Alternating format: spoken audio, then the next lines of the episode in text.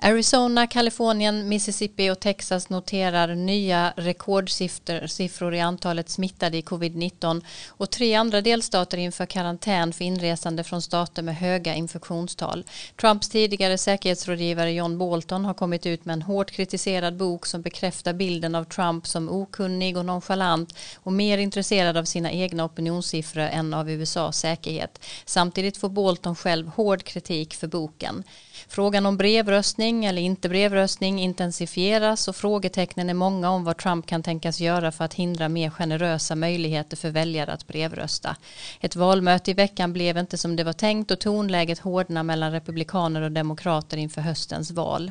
Allt är med andra ord som vanligt i Trumps USA. Vi pratar om ett par bakslag för Trump i HD-utfall nyligen, om valet till senaten i höst som är högst intressant och jag och Sanna Thorén Björling pratar om vår nya bok Supermakten som kommer ut i nästa vecka. Varmt välkomna till Amerikanalyspodden. I have a dream that one day this nation will rise up and live out the true meaning of its creed. This is a place where you can make it if you try. This is a country where anything is possible, no matter who you are. We do big things. Together, we represent the most extraordinary nation in all of history. What will we do with this moment? How will we be remembered? Ja, och vi som gör den här podden är professor Dag Blank, eh, knuten till eh, Uppsala universitet, eh, men finns i Stockholm just nu. Hej Dag. Hej hej. Och Karin Henriksson, eh, mångårig USA-korrespondent och eh, också författare till en rad böcker om USA. Hej Karin!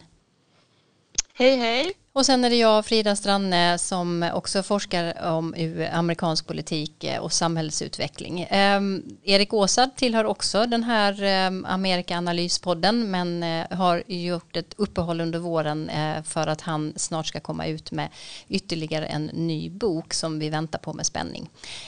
I de här coronatiderna så måste jag fråga givetvis hur mår ni båda? Hur mår du Karin?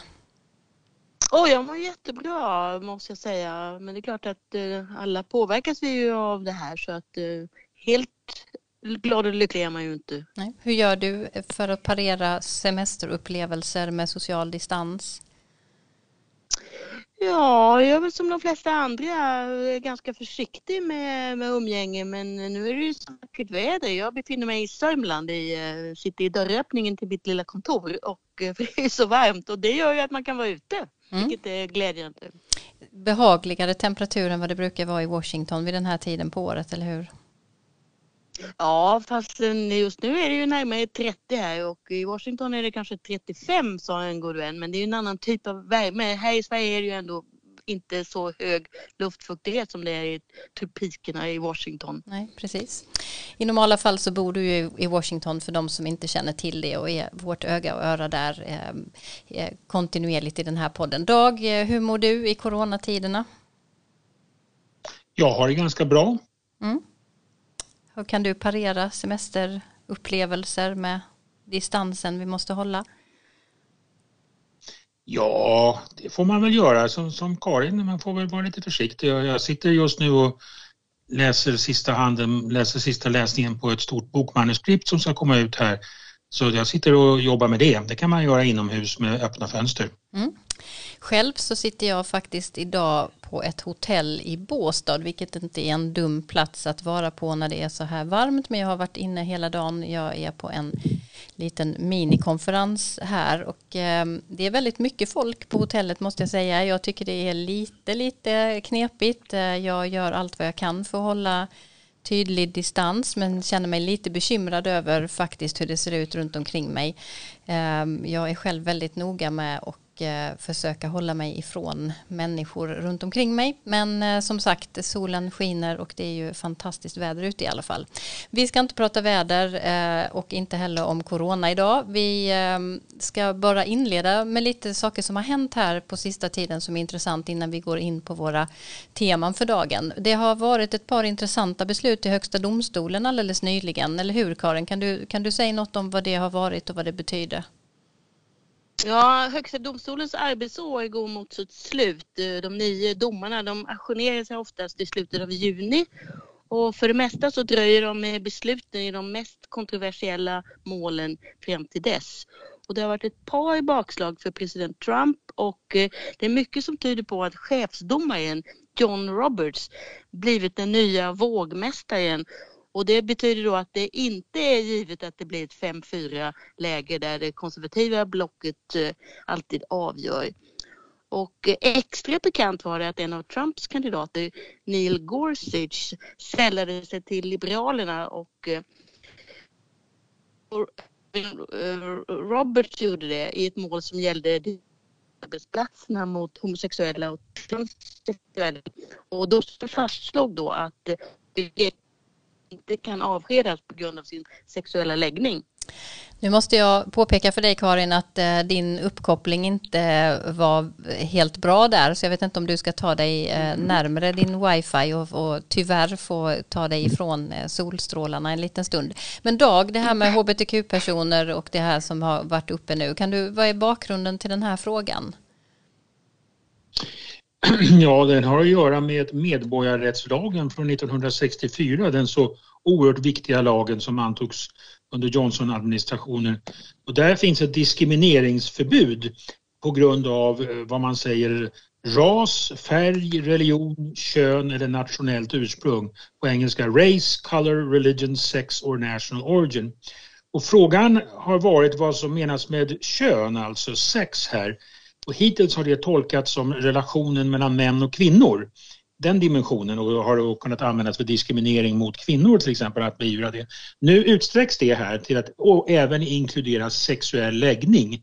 Och Gorsuch som är en litteralist, han menar att man ska läsa texten som den står, sa att det är omöjligt att diskriminera på grund av homosexualitet om man inte samtidigt ägnar sig åt könsdiskriminering. Alltså. Så de två länkas och eftersom det står så i texten eh, så måste man tolka det så. Så därför med det resonemanget utsträcktes det nu att inkludera även sexuell läggning. Mm, väldigt intressant. Det finns en aspekt till här eh, som är värd att nämna, eller hur Karin? Ja, verkligen. Alltså, Neil Gorsuch han efterträdde den kände och i många konservativa läger hyllade Antonin Scalia och det här då tydde på att han inte är en ny Scalia, i alla fall inte i alla hänseenden. Så vi får se vad som händer då när det kommer upp mål som handlar om abort eller sjukvårdsreformen, Obamacare. Och eh, Trump har ju hela tiden lyft fram sina domartillsättningar som en enorm framgång och som ett tecken på att han uppfyller sina löften och ett skäl till att rösta på honom igen. Men det kanske inte blir lika lätt nu när, eh, när Gorsuch då visade färg i den här frågan och det framfördes väldigt mycket kritik en gång mot Gorsuch i konservativa juristkretsar. Mm. Har det kommit någon reaktion från Trump? Nej, inte vad jag har sett i alla fall. Det ligger han nog lågt med. Han gillar ju inte att peka på bakslag och han kan, han kan heller inte gärna kritisera Gorsuch tror jag inte. Det skulle se illa ut. Mm. Eh, intressant utslag i alla fall, hur som helst som vi kanske också får möjlighet att komma tillbaka till eh, i ett annat program. Vi ska eh, idag som sagt prata om valet till senaten eh, som ju kommer också i höst och som är eh, väldigt intressant. Men först ska vi eh, eh, prata eller titta lite närmare på den bok som jag har nämnt eh, vid några tillfällen här eh, under hela vår poddkarriär som jag har skrivit och som på grund av coronan inte kom ut som planerat men nu eh, precis eh, i nästa vecka eh, kommer att eh, ges ut. Och för lite mer än ett år sedan så satt jag och Sanna Thorén Björling en lång helg i mitt växthus utanför Halmstad. Vi hade fått ett bokkontrakt eh, på Mondial förlag utifrån en idé som jag hade haft med mig i, i mer än tio år att skriva en bok om saker som svenskar borde få lite bättre insyn i om USA för att förstå vad som händer där.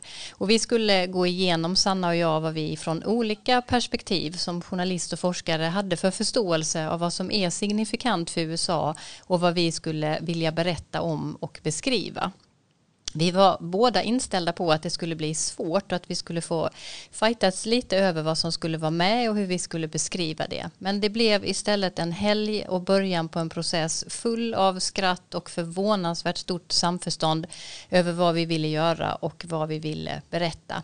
Och vi skrev sedan alla kapitel tillsammans. Vi har fyllt i varandras berättelser och beskrivningar och lärt oss av varandra på vägen. Och resultatet är nu en bok som handlar om allt från lite tyngre politiska detaljer som hur en lag tar sig igenom kongressen och hur valsystemet är uppbyggt via våld, vapen och rasism till hur amerikaner umgås mer lättsamt än svenska, varför de småpratar med alla, varför det inte finns läktarvåld inom sporten och hur de själva reser och turistar både, både inom och utanför landet.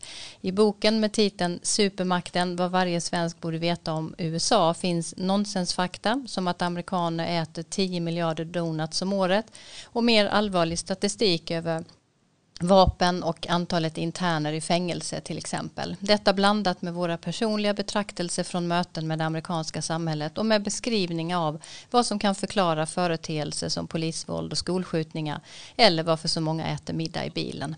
Jag pratade med Sanna som tidigare varit DNs utrikeskorrespondent i USA en stund igår kväll om boken som kommer ut den 2 juli och då sa hon så här om varför eh, man ska läsa den här boken eh, Ja, varför ska man läsa den här boken? Ehm, jag tycker inte att man ska glömma bort att det vi skriver om har en tydlig koppling till flera av de frågor som är aktuella just nu och till dagspolitiken i USA. Som reporter så är jag ju lite besatt av nyhetsflödet ehm, och amerikansk politik är ju beroendeframkallande. Och jag tycker att det vi skriver om ehm, handlar om att göra det begripligt det som sker. Presidentvalet är bara några månader bort och hur valsystemet fungerar, både i teorin och i praktiken, tror jag kommer att vara en av de allra viktigaste frågorna under hösten. Eh, och hur det kommer sig att man kan vinna ett val med en minoritet av rösterna eh, och, och, är ju en sån stor fråga som jag tycker att vi förklarar. En annan fråga som är högaktuell nu är, är hur djupt rotad rasismen är i USA. Men det kan också handla om sjukvårdssystemet och hur det faktiskt kommer sig att det inte finns någon allmän sjukvårdsförsäkring som ju eh, till skillnad från de flesta andra västländer. Det kan också handla om hur det kommer sig att amerikanerna historiskt har accepterat liksom större klyftor i samhället än de allra flesta västländer. Ehm, även om de har blivit så stora att inte heller amerikanerna tycker att det är okej längre. Mycket av det här tas ju upp i svenska medier, det är ju jättebra. Men vi försöker att på ett ganska kortfattat och lättbegripligt sätt placera en del av de här sakerna i ett sammanhang eh, och försöka att ge eh, en nyanserad bild av USA. Sen hoppas jag också att den här boken väcker lite nyfikenhet och lite lust. Det är ju ett land som är väldigt tacksamt att resa runt i. Amerikaner är ofta lätta att prata med. Naturen är fantastisk och bland alla de problem som USA har så finns det ju något, något väldigt generöst hos amerikanerna. Sen ska man ju förstås komma ihåg att vår bild liksom självfallet inte är komplett men det, det där är nog vad jag skulle säga. Mm. Vi har ju försökt att göra den här boken både allvarsam och lättsam, beskriva både positiva och negativa saker som, som vi uppfattar med USA, men framförallt förklara, precis som du precis sa, vad som är kännetecknande för det amerikanska samhället och mentaliteten och hur man ska förstå lite bättre vad det är som händer. Vad tycker du eh, har varit svårast och lättast i arbetet med den här boken? Ja, men lättast tycker jag har varit, det har varit att vi har varit så förvånansvärt överens om vad vi vill säga, som du var inne på eh, också tidigare. Att det, det är, eh, vi har varit ja, eniga om det. Eh, svårast tycker jag har varit att hitta en slutgiltig form för det och att hitta, en bra, hitta fram till en balans som funkar mellan det som är subjektivt och det som är mer fakta, kanske lite torrare avsnitt. Och sen är det alltid svårt att rensa och stryka ner. Men det ska det väl också vara tror jag. Mm. Och att det är så mycket som man inte får med. Vad, vad tycker du? Jag tycker först och främst att det har varit väldigt kul att skriva och, och min roll då som forskare att få ta ut svängarna i en helt annan form än det som är strikt vetenskapligt och som ofta är väldigt eh, eh både långsamt och lite fyrkantigt och så få reflektera över mina personliga möten och händelser som har format hur, hur jag uppfattar samhället och människorna i USA kopplat då till, till den liksom, kunskap som, som man ändå har. Och jag tycker också att det var roligt just att vi var så pass överens om vad vi, vad vi har tyckt varit så viktigt att få, få prata om eller beskriva. Eh, sen har det varit svårt eh, att få den där balansen mellan lättsamhet och allvar. Ehm, att försöka erbjuda läsarna en fördjupad förståelse och belysa fakta och vad studier om USA säger. Men ändå ha liksom en glimt i ögat. Och jag hoppas verkligen att det ska vara både informativt och kul att läsa den här boken. För att vi tar ju upp de här allvarliga sakerna som du beskrev. Men vi tar ju också upp umgängesformer och eh, sport och andra sådana här saker som liksom också är karaktärer i liksom den, den amerikanska mentaliteten. Um, USA är ju också, och det tycker jag också vi beskriver i, i, den här boken, ett komplext land och på många sätt väldigt motsägelsefullt. Och det tar ju tid att förstå vad USA är om man någonsin riktigt kan lära känna de här alla olika egenheter som finns. Men vad tycker du är viktigast att lära sig lite mer av för den som följer utvecklingen i USA?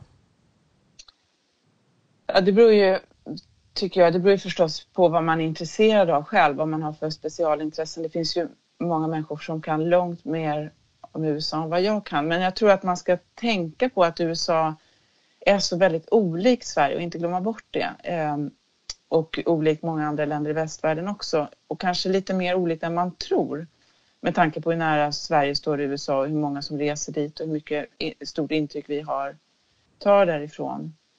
Um, och när man följer den politiska utvecklingen så tror jag också att det är bra att man följer just olika typer av nyhetskällor, olika eh, och hämtar sin information från olika håll. Mm. Och sen tycker jag om man nu om den här eh, situationen att man inte får resa lättar på sig så småningom och, och människor kan komma tillbaka och börja resa igen, att man eh, kan försöka söka sig utanför de stora städerna, och de givna liksom, resmålen och turistmålen, då, då tror jag man lär sig. Det tycker jag i alla fall, det har jag lärt mig väldigt mycket av. Mm. Jag håller helt Eh, med. Alltså jag tycker det är så viktigt att förstå hur, hur, djupa många av de kulturella och politiska skillnaderna är mellan amerikaner och, och europeer lite mer generellt, inte bara svenskar. Och faktiskt eh, hur djup, djupa de här skillnaderna är och hur det påverkar hur amerikaner ser på staten och välfärden, individens rättigheter. Och som jag hoppas att vi får fram i den här boken också, att det också avspeglar sig i det sociala Ehm, i eh, hur man är och hur man umgås och annat och att allting hänger samman på ett väldigt komplext sätt. Eh, eh men just det här att verkligen förstå att det är avgrundsdjupa skillnader i, i, inom många områden när det gäller hur vi ser på samhället och på individen och, och, och den typen av saker. Eh, och samtidigt då som vi framförallt vi svenskar får väldigt mycket intryck av USA och påverkas och på olika sätt har blivit amerikaniserade. Men vi har ju som du nämnde också rest väldigt mycket, både du och jag, runt i USA. Om du fick nämna en plats eller delstat för den som ska ta sig någon annanstans än just New York och Florida eller Kalifornien som är väldigt vanliga resemål för svenskar, vad, vad skulle det bli?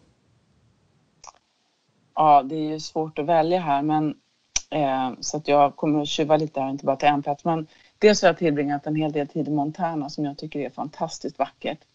Sen tycker jag att Texas är en otroligt intressant delstat, eh, både hur det ser ut och hur, rent politiskt. Men sen tycker jag också så här på sommaren att man kan nämna de stora sjöarna eh, som är helt magiska. Och Lake Erie då till exempel som ju är en av de minsta av de här sjö, sjöarna är 13 gånger större än Vättern där jag brukar tillbringa somrarna. Men det är en grund och varm sjö. Eh, det är en, en sjö med medeldjup på bara 19 meter där Vättern har 39. Eh, och Vättern, har, Vättern är 128 meter djup men Lake Erie är bara 64. Och det gör att den här sjön blir fantastiskt varm att simma i på sommaren. Man ser inte horisonten. Det är som att simma i ett hav av sötvatten. Det är mm. helt magiskt. Mm. Det skulle jag nog säga. Du då? Eh, jag skulle utan tvekan, om det var en plats jag skulle nämna eller delstat, säga Utah för dess fullständigt makalösa natur och, och berg, eh, nationalparker som avlöser varandra och är magiskt vackra. Um, också andra delar av Grand Canyon i Nevada till exempel är ju fantastiskt och det är, det är så storslaget så att det nästan är svårt att, att ta in. Eh, ska man säga någon stad som visserligen många svenskar har varit i men som ändå inte är riktigt lika vanlig att åka till så är ändå Chicago den stad som jag allra helst återkommer till faktiskt förutom Washington där jag har bott precis som du och som man kommer tillbaka till för att man känner sig väldigt hemma där. Ehm, sen finns det ju så mycket som du säger att se överallt. Jag har en delstat jag inte har varit i däremot som jag väldigt gärna skulle vilja eh, besöka och som också väldigt många amerikaner själva nämner som en av de delstaterna som de vill åka till och det är Alaska. Mm. Det är mm. sevärt, det kan jag intyga faktiskt. Mm, det säger alla som har varit där. Mm. Eh, ja, vi kommer ut med den här boken den 2 juli. Vi ska prata om den i lite olika medier och eh, stort tack för att du var eh, med i podden denna veckan, Sanna. Ja, där hade vi Sanna Thorén Björling som tidigare har varit DNs utrikeskorrespondent i USA och fortfarande jobbar på DN och skriver eh, men också har, leder eh, deras nya podd som går varje dag eh, på vardagarna. Ehm, ja, det var ett litet kort samtal. Det vi avslutade med här var ju exempel på resemål och annat som vi faktiskt också beskriver eh, i boken. Om lite favoritresmål men också sådana här kul fakta om de olika delstaterna för att eh, USA eh, är ju egentligen nästan som 50 olika länder. När man reser över kontinenten så skiljer det ju sig väldigt mycket åt. Ja, Dag och Karin, det var lite om den här boken.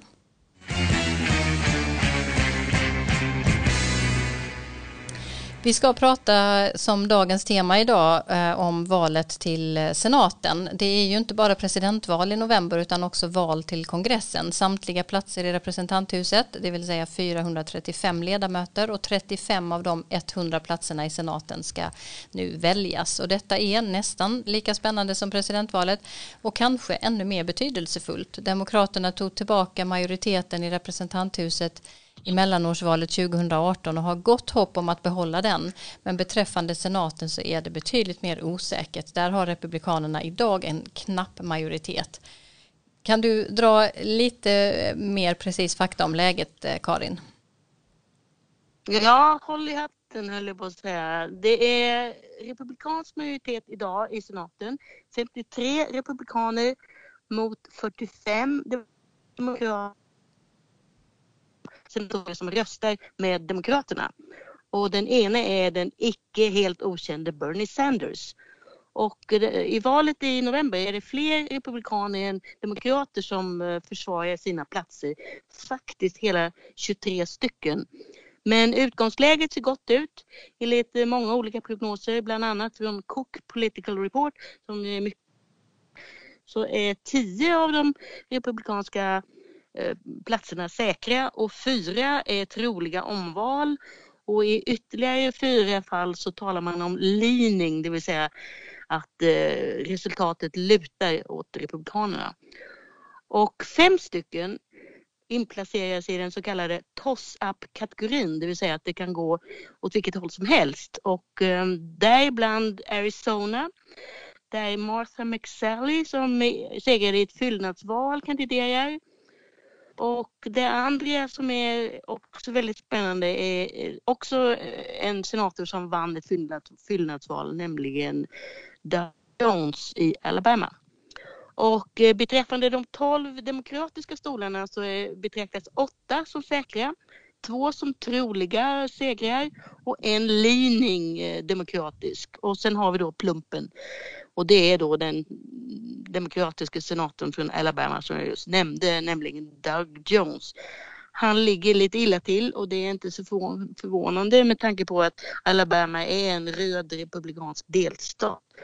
Och Jones har bara suttit i senaten sedan 2017. Eh, För ni vet förstås att senatorerna väljs på sex år. Och eh, då vann han fyllnadsvalet efter den sittande republikanska senatorn Jeff Sessions som Trump hade utsett till sin justitieminister. Och att, att uh, slå ut en sittande kongresspolitiker är inte lätt. Särskilt om han eller hon är känd, vilket verkligen Nu försvinner du jättemycket här, Karin. Eh, nu försvinner du så jag vet inte Som, om du kan röra ja. dig igen eh, så kan jag bara säga här och introducera en, ett ljud här så länge. Eh, för att som du sa att slå en sittande kongresspolitiker är ju verkligen inte lätt eh, och det gäller ju då särskilt Lindsey Graham i South Carolina. Eh, han är välkänd också för många svenskar tror jag, ordförande i justitieutskottet och eh, spelar tydligen också mycket golf med Trump. och här ska vi lyssna medan Karin eh, går till en bättre plats eh, på utmanaren, demokraten Jamie Harrison, vad han sa nyligen. You know, I can see that uh, there, there's an advantage for some incumbents in, in this race, but I, I, don't see that in my particular race. And that's because the frustration level with Lindsey Graham is so high in the state. Uh, there are a lot of people who are very agitated by our senator, even in this the, the age of talking about the coronavirus. Uh, he's put his foot in his mouth multiple times. Right now, he's demonizing many of the, the folks here in South Carolina. There are almost a half a million people who have claimed unemployment. Uh, so Lindsey Graham right now is fighting. He said over his dead body, will the U.S. Senate allow for an extension of the $600 benefit to those individuals? Uh, and that's making a lot of people agitated and upset. And so, uh, you know, for many uh, incumbents versus challengers, the incumbent does have an advantage, but we don't see that in, in our particular race. Yeah. Ja, det var alltså, ja, förlåt, det var, det var ju Jamie Harrison alltså i, eh, i South Carolina. Jag träffade honom i North Charleston för ett tag sedan och uh, han uh, gick då och hela tiden väldigt mycket in för att kritisera Graham för vad han inte har gjort för sina delstatsinvånare och då i synnerhet nu under coronakrisen. Och eh, Jamie Harrison pekar då på hur många arbetslösa det finns och att Lindsey Graham inte vill hjälpa dem. Och det kommer bli hans budskap nu i höst. Och, och, och, han säger då att eh, det är svårt att slå en sittande senator men jag ser inte det här i, i South Carolina och nu kan vi ju kanske säga att det är ju inte alls säkert att väljarna håller med Jamie Harrison men vi får se. Mm. Dag, kan, kan, du säga något om läget i, i två väldigt intressanta delstater för hösten, nämligen Colorado och Iowa? Ja, vi börjar med Colorado. Det är då en delstat med en sittande republikansk senator, Cory Gardner, som valdes med smal, smal marginal 2014. Han är konservativ, mycket konservativ och har allierat sig med Trump. Men det är en av de delstaterna som alla pekar på, Cook Political Report som Karin nämnde och andra, som en klar möjlighet för Demokraterna att ta tillbaka eller att vinna i. Han har fått ett mycket, ett mycket dåligt opinionsläge. Han ligger i många opinionsmätningarna ligger honom ungefär 10 procentenheter efter eh, demokratiska kandidater. Mm. Hur är, om du ska förklara, Colorados politiska klimat? Ja, det, Colorado är en intressant delstat. Det ligger ju i västra USA högt upp i, i klippiga bergen med Denver och eh, eh som delstatshuvudstad. Eh, det är en, ett, ett områden som karaktäriseras av individualismen i västra USA. Men det är en delstat som allt mer har blivit en swing state där demokraterna har gått framåt på många områden. Det finns stora liberala urbana områden, Denver, Boulder där University of Colorado ligger till exempel. Eh, och det finns också en växande andel latinos i Colorado. Den ligger ungefär på 20 procent nu en ganska liten grupp svarta då också. Det är latinos som är den stora minoritetsgruppen där. Och det gör att Demokraterna kombinerat med den här att de går sin egen väg och lite individualism eh, och också starka miljöfaktorer kommer in i Colorado ibland. Det gör att Demokraterna har en bättre ställning där. Mm. Så vem är då Gardners eh, motståndare till eh, det här valet i hösten? Ja, det finns ett primärval som äger rum den 30 juni eh, om några dagar men det, allt tyder på att John Hickenlooper kommer att bli den demokratiska eh, kandidaten. Det är eh, före detta guvernör i Colorado och också före detta borgmästare i Denver. Och om vi minns honom, han var en av de många demokratiska presidentkandidaterna. Han drog sig tillbaka, eh, som de ju alla gjorde efter till slut. Men då gick han, satsade han istället på att bli senator och kunna ta tillbaka den här senatssatsen. Han är en intressant figur. Han är en middle of the road eh, kan man säga. Det är ingen jätteradikal, inte på vänsterflygeln i partiet, men han har en, en ganska stark ställning som en självständig person. Han startade sin karriär med att driva en microbrewery, en pub i Denver och, sen, och, och blev sen borgmästare där. Mm. Så vi får tro att det blir Hickenlooper som blir Gardners ut, utmanare och det är möjligt att han kommer, troligt att han kommer vinna. Mm. För att fortsätta på det här resespåret, vi var inne på lite kort när jag och Sanna pratade om vår bok så är ju Colorado också en sån här fantastisk delstat och just det här med mikrobryggerier det finns det verkligen överallt där och jag uppfattade när man var där som att det finns eh, väldigt många liberala vindar som, som blåser i eh, eh, Colorado. Ehm, det är alltså en stat och delstat att hålla ögonen på i höstens val, absolut. Och vad kan vi då säga om Iowa? Ja, Iowa är en klassisk delstat i mellanvästern. Det är den första delstaten i den politiska säsongen med det Iowa Caucuses dit de kommer. Den domineras av jordbruk och majs. Och idag, eh, det finns två traditioner i Iowa. Det finns en populistisk eh, vänstertradition som går ganska långt tillbaka med agrarradikalism i Iowa. Men det finns också en stark konservativ eh, tendens i Iowa. Eh, Obama vann Iowa två gånger. Han, han fick ju sitt stora genomslag när han tog hem the Iowa Caucus. Och det är en, alldeles, en väldigt vit delstat och det gjorde ju att Obama fick en skjuts Länge satt Tom Harkin också, en mycket liberal demokrat, som senator från Iowa. Så det visar på Iowas dubbelhet. Mm. Eh, och kandidaterna eh, i år? Ja, eh, den sittande senatorn som sedan 2012 heter Joni Ernst. Hon är en mycket konservativ republikan. Hon tog hem, hon vann 2012 när Harkin hade bestämt sig för att sluta och avgå och då tog hon hem lite oväntat detta, detta val och eh, 2014, förlåt, det var 2014 för sex år sedan. Hon hade en uppmärksammad kampanj där hon spelade på sin bakgrund hon, att hon hade växt upp på en grisfarm i Iowa och hon sa att nu är det dags att vi ska göra så när vi slaktar grisar. We'll make them squeal i Washington alltså. De ska få skrika lite. Vi kan spela upp den där berömda Joni Ernst eh, commercial på 30 sekunder. I'm Joni Ernst. I grew up castrating hogs on an Iowa farm. So when I get to Washington, I'll know how to cut pork. Joni Ernst, mother, soldier, conservative. My parents taught us to live within our means. It's time to force Washington to do the same. To cut wasteful spending, repeal Obamacare, and balance the budget. I'm Joni Ernst, and I approve this message because Washington's full of big spenders. Let's make them squeal. Jaha, eh, Dag, vad ska man mm. säga om detta? Ja, det var en väldigt framgångsrik commercial. Där kan man notera att hon talade om att hon skulle balansera budgeten. Det har inte hänt. Hon har ju stött de här enorma spenderingarna. Budgetunderskottet har ju vuxit dramatiskt under Trump. Det var en klassisk konservativ hållning för Republikanerna som har försvunnit nu. Och Obamacare har de inte lyckats bli av med heller. Så att eh, hon har, framgångarna har varit blandade där. Mm. Men hon har alltså stött Trump. Men på senare tid alltså så kan man säga att varför Iowa är intressant.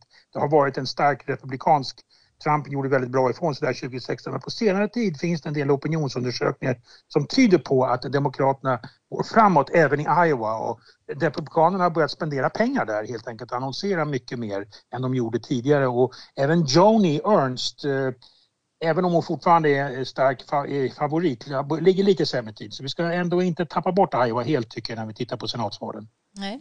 Karin, du kommer också hålla ögonen skarpt riktade mot eh, Colorado och Iowa antar jag. Är det något mer? Ja, det finns ju många delstater, men, men då, det, och, och särskilt också Alabama. Om nu Doug Jones, som vi talade om förut, om han vinner så vore det en, en sensation.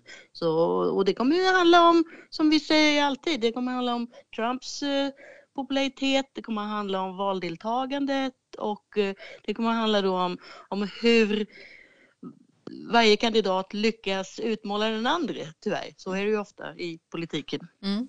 Vi ehm, har, kommer ha mycket att prata om i relation till senatsvalen eh, under kommande poddavsnitt här under sommaren och hösten.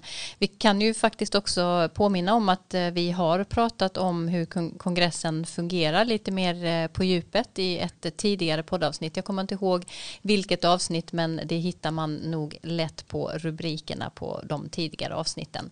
Eh, eh, Dag, du är ju, och det nämnde jag inte inledningsvis idag, du är ju vår historiker professor eh, och historiker och då, då vill man gärna veta om några in, särskilt intressanta senatorer just från bakåt i tiden. Ja, det finns ju många. Man kan inte gå förbi Lyndon Johnson som var senator 1949 till 1961 när han då blev John Kennedys vicepresident. Men under sin tid som majoritetsledare framförallt i senaten blev han oerhört inflytelserik och omformade det ämbetet till en stark maktposition. Och även under sin presidenttid så eh, gjorde han ju frågan om civil rights, medborgarrättigheter, till en kärnfråga. Han föll ju sen på Vietnamkriget och man minns honom kanske mest från Vietnamkriget men under sin tid som senator var han o, eh, omotståndlig, alltså han dominerade senaten och var en oerhört skicklig politiker. Robert Caro har skrivit massor av stora tjocka böcker. the Master of the Senate är en av volymerna om, om Johnsons liv. Från 1800-talet så finns det flera exempel och då ska vi komma ihåg att uh, senaten Eh, var, eh, presidentämbetet har ju stärkts under, framförallt under 1900-talet och under stora delar av 1800-talet så var inte nödvändigtvis presidentämbetet lika starkt som idag utan senatorerna spelade en stor roll. Kongressen och även senatorerna, man kan nämna Daniel Webster som satt i senaten 1827 till 41 och sen också 45 till 50. Eh, han var en oerhört framstående politiker och framstående talare. Han sägs ha hållit bland de bästa talen i senaten, vilket inte säger lite faktiskt. De är ju retoriker ofta, en del av de här senatorerna. Henry Clay från Kentucky är en annan, också invald flera gånger under 1800-talet. Både Webster och Clay levde under en tid och verkade under en tid före inbördeskriget då unionen både expanderade men sen hotades och eh, som ju när unionen sen till slut kollapsade under inbördeskriget. Och de var väldigt viktiga personer för att försöka hålla ihop unionen, de olika kompromisser som ägde rum under förra delen av 1800-talet eh, rörande slaveriet då. De hade presidentambitioner bägge två men de blev aldrig eh, presidenter. Mm. Eh, med alla de senatorer som har passerat genom åren så, så måste det finnas också några här som på ett orättvist sätt har, har glömts bort eller kanske förminskats genom åren. Karin, eh, har du några exempel på det? Ja, det finns ju några stycken som har liksom gett namn till lagar dock och eh, som då eh, alltid förknippas med dem och eh, jag kan nämna några stycken. Vi har till exempel Smoot-Hawley Act som skrevs eh, 1930 av senator Red, Reed Smoot och kongressmannen Willis Hawley. Och det, det, det innebar att tullarna höjdes dramatiskt för att försöka motverka 30-talsdepressionen. Och det anses ha varit ett praktfiasko. Och eh, lärdomar om hur handelskrig utspelas drogs faktiskt den gången. Sen har vi The Wagner Act som fortfarande är grundbulten i regleringen av arbetsmarknaden. Och eh, senatorn som stod bakom den hette Robert Wagner och året var 1935. Och det säger ju någonting om hur lite som faktiskt har skett på arbetsmarknadsområdet i USA. Att den lagen fortfarande är, är det som reglerar villkoren. Sen har vi Dodd-Frank som är nyare och det finns, eh, den kallas Dodd-Frank Act men den har egentligen mycket, lagen har egentligen ett mycket längre och krångligare namn. Och den handlar ju om eh, finansinstitutioner och konsumentskydd och annat som antogs 2010 i kölvattnet av krisen då. Och den drevs fram av två demokrater, senatorn Christopher Dodd och eh, kongressledamoten Barney Franks. Båda tillhörde liksom det liberala blocket i kongressen, särskilt då Frank och ingen av dem sitter där längre. Nej. Eh, vad säger stalltipsen, Karin? Vad skulle det bli för, för skillnad nu också? Kanske ännu mer ja. intressant om Demokraterna tar över? Ja visst, alltså jag tror, men jag tror faktiskt att stalldrängarna är lite försiktiga med att tipsa. Men eh, det anses, som Dag var inne på, det anses inte osannolikt att Demokraterna i alla fall tar hem ett par stycken senatsval och att det skulle i så fall ganska enkelt kunna bli 50-50 då med vicepresidenten som utslagsröst och då handlar det också om vem som vinner presidentvalet. Och det är flera scenarier som är möjliga alltså. Man kan tänka sig en demokratisk president med demokratisk majoritet i bägge kamrarna. Man kan tänka sig en demokratisk president med republikansk majoritet emot sig i en eller bägge kamrarna. Man kan tänka sig en republikansk president med demokratisk majoritet emot sig i en eller bägge kamrarna. Eller kan man tänka sig status quo, det vill säga en republikansk president med stöd i den tyngre av de två kamrarna, alltså senaten. Och om Demokraterna då skulle ta över helt och hållet så kan vi vänta oss en helt annan politik på flera områden. Det gäller då sjukvården, miljön, skatterna, utrikespolitiken. Men då måste vi också komma ihåg att begränsningarna för en tillträdande administration är ju ganska stora då med tanke på underskotten och statsskulden som har kommit nu under Trump. Och elefanten i rummet är ju då som jag säger Trump. Om hans bas räcker eller om Demokraterna lyckas mobilisera på allvar. Mm. Ja, vi har verkligen en spännande höst eh, framför oss. Har vi, när det gäller senatorerna, har vi glömt någonting? Det finns väldigt mycket att säga om den amerikanska senaten och, och senatorernas betydelse ju också i, i delstaterna. Men eh, finns det någonting vi har glömt här? Har du något Dag? Ja, man ska komma ihåg alltså senatens historiska och konstitutionella roll som ett överhus med en, en bromsfunktion så att säga de långa mandatperioderna, de sitter ju på sex år. Va? Det, det, det är, så det tar lång tid att få, få förändring i senaten. Och från början så var det ju indirekta val. Det var delstatslegislaturerna som valde medlemmarna i senaten. Det var inte förrän det 17 författningstillägget antogs Eh, 1930 som det blev direkta val. Från början var det då representanthuset som var folkets kammare så att säga. Där var det tvååriga mandatperioder och alltid direkta val och där skulle folkviljan slå igenom medan, medan senaten skulle ha den här lite mera långsamma överhusfunktionen. Och länge var det intressant nog eh, representanthuset alltså den enda direkt valda delen av det amerikanska systemet. Presidenten är indirekt vald, senaten var till 1913 indirekt vald och högsta domstolen utses ju inte genom val alls. Så att eh, senatens roll där har blivit mer aktiv kanske kan man säga också sen de Eh, blev direkta val. Sen kan man slutligen lägga till då att eh, lagstiftningen börjar ju i representanthuset. Det var ju det som var tanken att det var där folkets vilja skulle gå, slå igenom och där budgetarbetet börjar till exempel. Medan senaten har en betydande roll då när det gäller att godkänna avtal och överenskommelser, utrikespolitiska sådana till exempel, fredsavtal och, och sen naturligtvis då att bekräfta nomineringarna, alla de juridiska nomineringarna till exempel, inte bara till högsta domstolen utan även på den, de lägre nivåerna. Mm, som sagt, det finns ett avsnitt där vi går igenom de här sakerna lite mer i detalj som vi kan eh, rekommendera. Jag lärde mig en sak, eh, jag lärde mig många saker när vi skrev den här boken Supermakten, eh, jag och Sanna, som visserligen gäller hela kongressen, alltså både representanthuset och senaten, men det var nämligen att från eh, 1920-talet Eh, och framåt så fanns en så kallad eh, widow succession som var det vanligaste sättet för kvinnor att ta plats i kongressen. Och det är en regel som gäller än idag och innebär att man ärver sin bortgångne mans plats. Eh, eh, så sent som 2018 så spekulerades det om huruvida John McCains änka Cindy McCain hade för avsikt att ta sin mans plats när han dog i en hjärntumör. Totalt har ju bara eh, har 47, 47 kvinnor utnyttjat den här möjligheten att efterträda sin man och åtta av dem har varit senatorer men fru McCain hon avstod.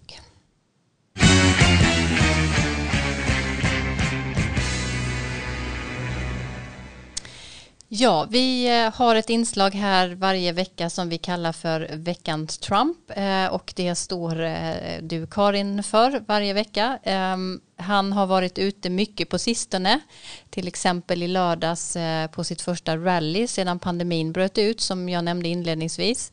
Men du har valt ett citat den här veckan från en intervju han gav i en katolsk tv-kanal och vi ska lyssna på det här. I think I have great support. There's a lot of hidden support.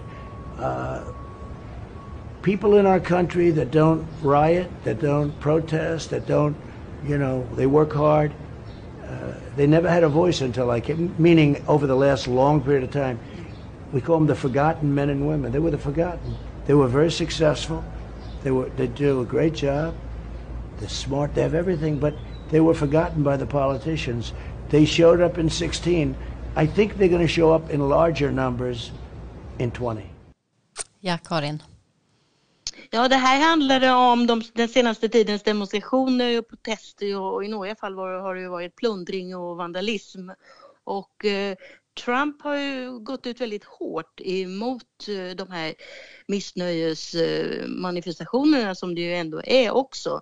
Och han talar ju om the silent majority, om de tysta massorna som jobbar hårt och sköter sig, de bortglömda männen och kvinnorna och att han vänder sig till dem 2016 och säger då att de kommer att komma tillbaka eh, i höst. Och det här kommer bli ett av, av slagorden i, i höstens valrörelse. Och frågan är ju då var den här tysta majoriteten, om den finns, var den finns och eh, om den kommer att rösta på Trump. Om de, om de känner att, hans, att han representerar dem. Mm. Um, det ser ut i alla fall att vara ett slagkraftigt kan, kampanjbudskap eller ett av de exemplen vi kommer att få se från, eh, från Trump-kampanjen i år.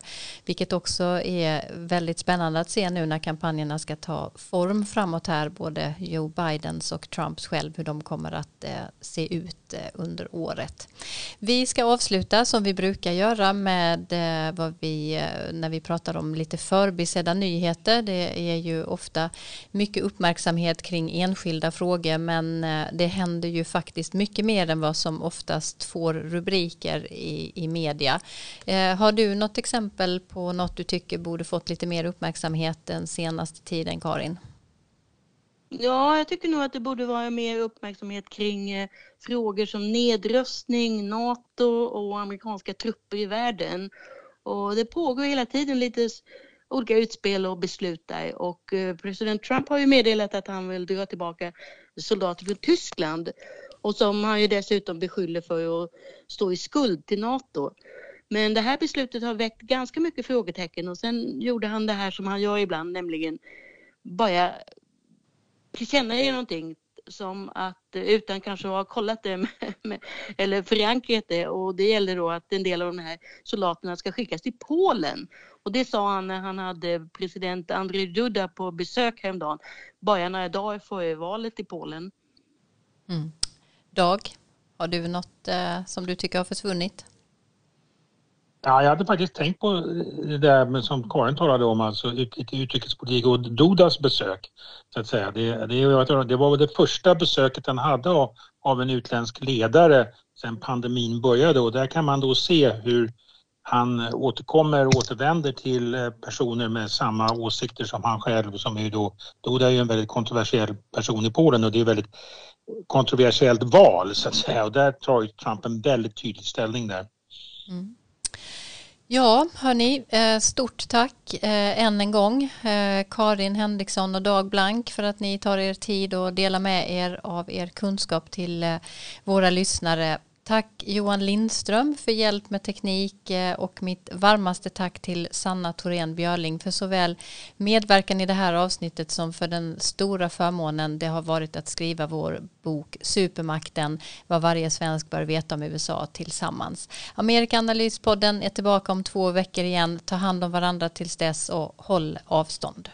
I have a dream that one day this nation will rise up and live out the true meaning of its creed. This is a place where you can make it if you try. This is a country where anything is possible, no matter who you are. We do big things. Together, we represent the most extraordinary nation in all of history. What will we do with this moment? How will we be remembered?